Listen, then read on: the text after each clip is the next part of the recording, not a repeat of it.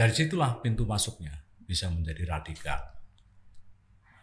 Dari radikal ada yang memanfaatkan untuk kepentingan-kepentingan tertentu, katakan kepentingan politik, itu bisa menjadi terorisme.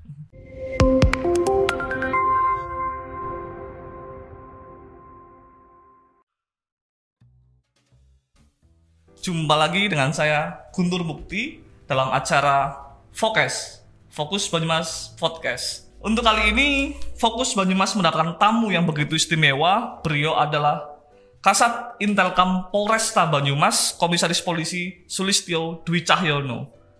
Selamat datang Bapak di Fokus Banyumas. Selamat datang, selamat Semoga sehat selalu Amin, Pak. amin, JJ, terima kasih atas kedatangannya Pak. Dan ini Pak, satu Pak, Eh, sebelum kami memulai, biasanya kami itu memiliki tagline kami, yaitu sing wis ya wis, sing urung aja kaya sing wis wis. Gimana kalau kita bersama-sama menyampaikan Pak? Itu Banyumas banget nih Pak. Ya. Baik, Eh, satu, dua, tiga. sing wis wis ya wis, Sing wis, wis ya wis, sing, sing urung, durung aja, aja kaya sing wis. kaya sing wis wis. Ya, ulang lagi Pak coba Pak. Ya. Kita ulangi lagi. Sing, Sing wis wis ya ya wis, sing, sing urung aja, aja kaya kaya sing wis wis. Begitu Pak. Bukan kayak ini ya, sing urung ya dilakoni gitu. Bisa aja nih Pak. Ya, kenapa kami begitu sangat Banyumas karena kami ingin mengangkat eh, karakteristik Banyumas Pak. Karena Banyumas kan memiliki budaya dan memiliki eh, ciri khas yang begitu menarik dan dan juga memiliki sejarah yang begitu panjang Pak di Banyumas ini. Jadi eh, apa namanya kami mencoba untuk bagaimana Banyumas itu go to global Pak itu kan. Gitu kan. Semua orang karena untuk YouTube sendiri kan ini kan disampaikan ke pemirsa melalui akun YouTube di Fokus Banyumas dan penontonnya juga eh, tidak hanya di Banyumas. Jadi ketika ciri khas Banyumas ini diangkat, semoga yang di luar sana lebih mengenal Banyumas. Begitu Pak Sulistyo.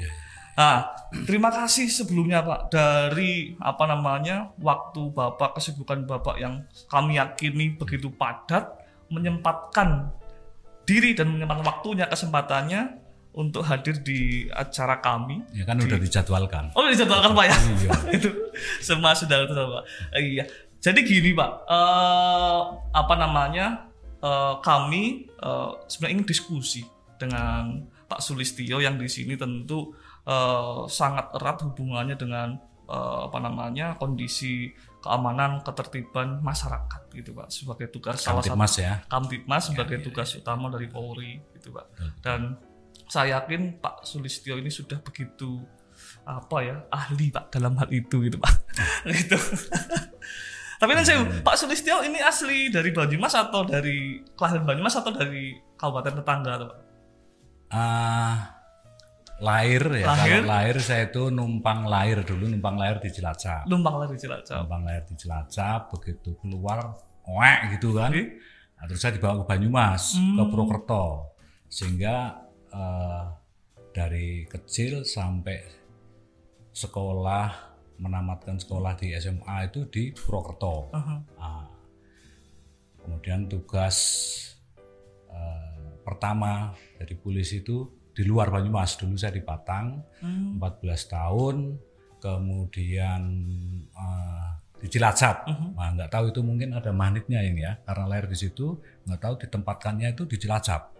Nah, di Cilacap kurang lebih kalau total 10 tahun lah ya, 10 tahun. Kemudian muter-muter-muter ke Purbalingga, Banjarnegara dan sebagainya. Kembali ke Banyumas. Banyumas.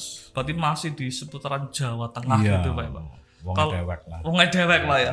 Berarti ini sudah sangat mengerti dan memahami karakter dari masyarakat di Banyumas maupun di Jawa Tengah gitu Iya. Pak ya.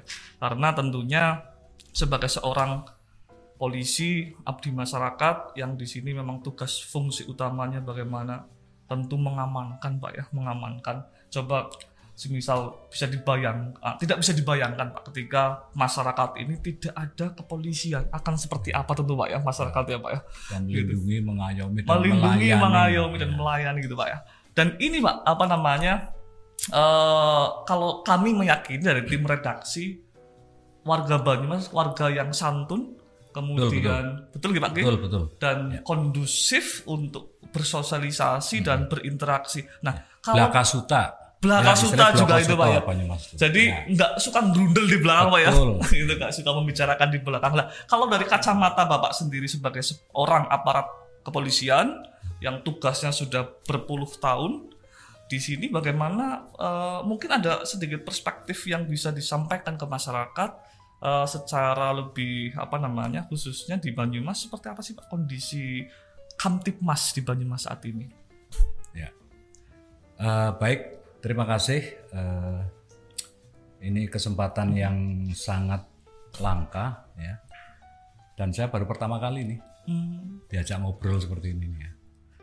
Nah, jadi langsung aja kepada topik tadi disampaikan atau ditanyakan bagaimana kondisi situasi Kamtipmas ya di wilayah Banyumas terkait dengan juga tadi disampaikan karakter dari masyarakat Banyumas itu sendiri. Saya rasa karakter masyarakat Banyumas tadi sudah disampaikan salah satunya ada Bloko Suto, santun sehingga itu sangat menunjang sangat menunjang situasi Kamtipmas di wilayah Banyumas yang sampai sekarang kita rasakan kondusif ya. Kita rasakan kondusif dan kondusif itu aman itu tidak terjadi begitu saja. Tentu saja ada sinergitas dari eh, aparat pemerintahan dengan masyarakat itu sendiri. Aparat pemerintahan ada TNI Polri Pemda ya yang bersinergi untuk menciptakan situasi yang komdi- uh, Kamtipmas yang kondusif itu. Kalau situasi Kamtipmas dari uh, kita lihat dari berbagai bidang, ada bidang ideologi, politik, ekonomi, sosial budaya, dan uh, keamanan itu sendiri, baik keamanan uh, negara maupun keamanan khusus ya, Nah, yang mungkin nanti akan uh, masuk ke sana kita pembicaraannya ini. Ini relatif eh, stabil ya relatif stabil meskipun ada eh, beberapa potensi konflik di berbagai bidang itu. Tetapi berkat sinergitas itulah tadi sehingga potensi-potensi konflik itu bisa diantisipasi eh, untuk mencegah tidak muncul menjadi konflik yang sebenarnya kita lihat ada di bidang politik ya walaupun itu eh, permasalahan internal di politik itu sendiri di parpol katakan. Nah ini bisa dikomunikasikan. Yang penting eh, kita tidak mencampuri tidak mencampuri urusan politik tetapi kita utamakan kondusivitas wilayah ya. Karena menurut saya kondusivitas wilayah itu adalah di atas segalanya. Kalau situasi aman kamtipasnya mantap, maka semuanya bisa dilakukan. Ya, pembangunan bisa jalan lancar, ekonomi juga bisa menggeliat. Kemudian di bidang ekonomi, ya ada eh, sedikit-sedikit permasalahan yang itu juga tidak terlalu apa, tidak terlalu Menonjol. serius untuk bisa sulit ditangani enggak. Jadi eh, tidak menonjol, bisa segera bisa diatasi. Ya, kalaupun ada harga-harga naik terkait dengan kebutuhan pokok, pokok masyarakat itu ah, harga-harga yang bukan kebutuhan krusial dari kebutuhan masyarakat misalnya seperti lombok nggak nyambel juga nggak apa-apa lah saya kira lah ya. Masyarakat masih bisa nandur lombok sendiri di rumah gitu. Tapi kebutuhan pokok misalnya seperti beras dan sebagainya kita juga monitor kita pantau eh, ketersediaan untuk beberapa bulan ke depan masih mencukupi. Ini menarik Pak. Eh, dengan kata lain, kondusivitas di Banyumas ini pun tidak tercipta secara eh, ujuk-ujuk Pak ya atau tiba-tiba Iya, iya. bahasanya gitu ya. Iya. Berarti di sini tentu tetap harus ada kerja keras dan kerja bersama elemen-elemen yang ada di Banyumas itu sendiri. Tadi Bapak sebutkan ada Polri, ada TNI, ada pemerintah kabupaten dan masyarakat itu sendiri. Oke. Eh, nah, eh, mungkin adakah pertemuan yang rutin dilakukan untuk membaca situasi saat ini dan bagaimana mungkin ketika terjadi bukan terjadi Pak bahasanya tapi ada muncul timbul keresahan di masyarakat itu bisa tersolusikan. Ada pertemuan rutin di antara elemen-elemen ini, Pak. Ada pasti. Ya dan itu sudah kita lakukan di saya sebelum di Banyumas ini eh, di Cilacap, di Purbalingga, di Banjarnegara, di Banyumas sendiri. Hal-hal demikian ada ya. dan itu ditempuh oleh eh, karena itu juga instruksi dari dari apa pimpinan masing-masing instansi itu tentu saja kita lakukan. Kita lakukan seperti yang sekarang dilakukan itu dulu ada kominda kalau di tingkat tingkat tataran lapis keduanya kominda komunitas intelijen daerah. Yang kemudian uh, diganti sekarang namanya jadi tim kewaspadaan dini masyarakat.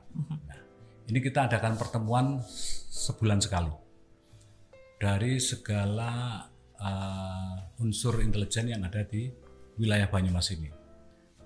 Kita membahas potensi-potensi konflik dan konflik yang sudah muncul sedang aktual yang terjadi saat itu dan mencari solusi bagaimana penyelesaiannya memberikan saran kepada uh, satuan atas uh, pimpinan di masing-masing masing-masing instansinya itu. Ya kalau saya ya kepada Pak Kapolresta mungkin Kesbang kepada Pak Bupati Pak Pasindal Kodim kepada Pak Dandim gitu kan. Sehingga ada uh, masukan yang uh, bisa dijadikan pertimbangan untuk mengambil langkah kebijakan yang tepat. Di tingkat Forkompimda juga ada pertemuan-pertemuan seperti itu. Ya, tentu saja uh, itu juga melibatkan unsur-unsur masyarakat yang terkait. Jadi memang sinergitas itu tetap berjalan ya, Pak. Meskipun katakan sudah kondusif, tapi kan tetap harus dijaga. Gitu Pak ya. Ya. Cuman gini Pak, saya itu dan mungkin sebagian masyarakat bertanya-tanya, intelijen ini, Bapak kan yang menjadi Bapak intelijennya di Polresta Banyumas. Nah ini eh, apa namanya eh, masyarakat dan sebagian masyarakat itu bertanya-tanya Pak, bagaimana sih Pak cara cara kerja intelijen itu Pak ya? Karena eh, apa namanya eh, kalau kita lihat di film-film gitu Pak ya, intelijen itu yang menyamar jadi maaf tukang bakso itu Pak ya, ada tukang cilo gitu Pak. Ya, itu Lah, teknis lah, teknis lah. itu. teknis sekali Pak itu. Tapi memang cara kerja intelijen memang terkadang menyamar Pak seperti Ya, gitu. Sesuai kebutuhan. Sesuai kebutuhan. Dan intelijen itu kan eh, pengetahuan ya. Jadi kita harus mencari tahu apa yang tidak diketahui cari di bawah permukaan. Kalau yang udah kelihatan udah nggak usah dicari kan. Yang belum ada yang kita cari justru. Nah, intelijen itu bukan intel ijan dewean itu enggak ya. Mesti kita harus eh, koordinasi, harus berkomunikasi dengan banyak orang untuk menyerap informasi gitu kan sehingga bisa diketahui, bisa terdeteksi, eh, bisa memprediksi gitu kan apa yang akan terjadi, kemudian eh, mencari solusi bagaimana antisipasinya. Kalau tadi ada yang nyamar jadi tukang bakso, jadi Tukang sioma gitu ya. ah, pedagang-pedagang itu teknis saja sesuai dengan kebutuhan. Kalau kebutuhan. memang memang itu diperlukan ya bisa. Saya lihat ha- kerja kerjanya itu hampir sama seperti jurnalis Pak kalau saya lihat. Ya, Gitu nggak Pak? nah, Saya itu di lapangan investigasi gitu kan. Betul. intinya. Saya di lapangan sekitar tujuh tahun Pak di lapangan waktu itu masih sebagai jurnalis lapangan. Waktu itu saya penugasan oleh pemret saya untuk Hmm. me- apa namanya menginvestigasi salah satu ya, kejadian menonjol di daerah Cibarang saat itu. Saya ditugasi selama satu minggu dan saya itu tidak boleh berpenampilan seperti layaknya jurnalis. Hmm. Saya pakai celana pendek, kemudian pakai kaos, ya seperti orang di situ pakai sandal jepit itu pak. Dan itu satu minggu saya di situ. Dan berarti memang apa namanya eh, kit- intelijen itu menjadi mata dan telinga sebenarnya Hmm. untuk untuk pimpinan ataupun untuk eh, memberikan eh, saran solusi pak Ya. yang harus diambil.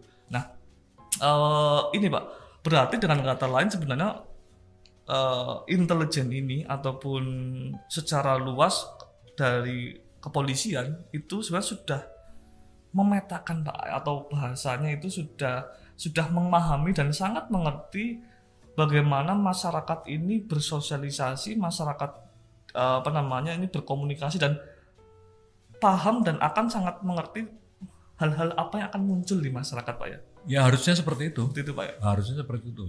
Nah kalau di Banyumas sendiri pak, Nah, ini eh, apa namanya? Ada nggak sih pak paham-paham radikalis yang eh, tumbuh di Banyumas kalau atau mungkin pernah terdeteksi ada gitu loh, gitu. Ya, jadi kalau bicara soal radikal ya, radikal ini kan kalau pengertian kami itu ada uh, didefinisikan ada tiga. Hmm. Ada radikal kanan, Mhm. itu yang uh, berpedok agama Mhm. dan seperti itu kan. Kemudian Percayaan. radikal kiri seperti yang sudah berlalu ya Mhm. kayak 65 J, itu. betul. Kemudian ada radikal lainnya. Mhm. Radikal lainnya oh, yang kelompok-kelompok separatis ya seperti Mhm. itu contohnya. Nah, mungkin yang akan kita bahas ini yang masalah radikal kanan ya, Mhm. yang memang sedang Sedang in lah hangat-hangatnya, sekarang, Pak, saat ini, oleh uh, masyarakat ini. Jadi uh, sebenarnya kita harus tahu dulu radikal itu pengertiannya apa gitu kan. Jadi radikal itu kan pengertiannya uh, kelompok yang mempunyai pemahaman atau pemikiran ingin merubah tatanan sosial dan politik ya, yang sudah ada dengan drastis disertai dengan tindakan kekerasan. Jadi uh, kita bisa melihat kelompok-kelompok yang seperti itu dilihat dari uh, variabel-variabel itu. Ada yang radikal hanya tingkat pemikiran, Pemikiran. saja. Ada yang sudah dilaksanakan sehingga uh, muncullah ada kelompok-kelompok terorisme dan sebagainya. Ini pintunya adalah dari uh, intoleransi. Jadi awalnya dari intoleransi yang ini eh, sebenarnya cukup memprihatinkan juga. Dia tidak mau menerima adanya perbedaan, mengklaim kebenaran kelompoknya sendiri yang tidak sesuai dengan kelompoknya, pengertiannya, pemahamannya dianggap kafir, dia berpaham takfiri ya. Dari situlah pintu masuknya bisa menjadi radikal. Dari radikal ada yang memanfaatkan untuk kepentingan-kepentingan tertentu, katakan kepentingan politik, itu bisa menjadi terorisme.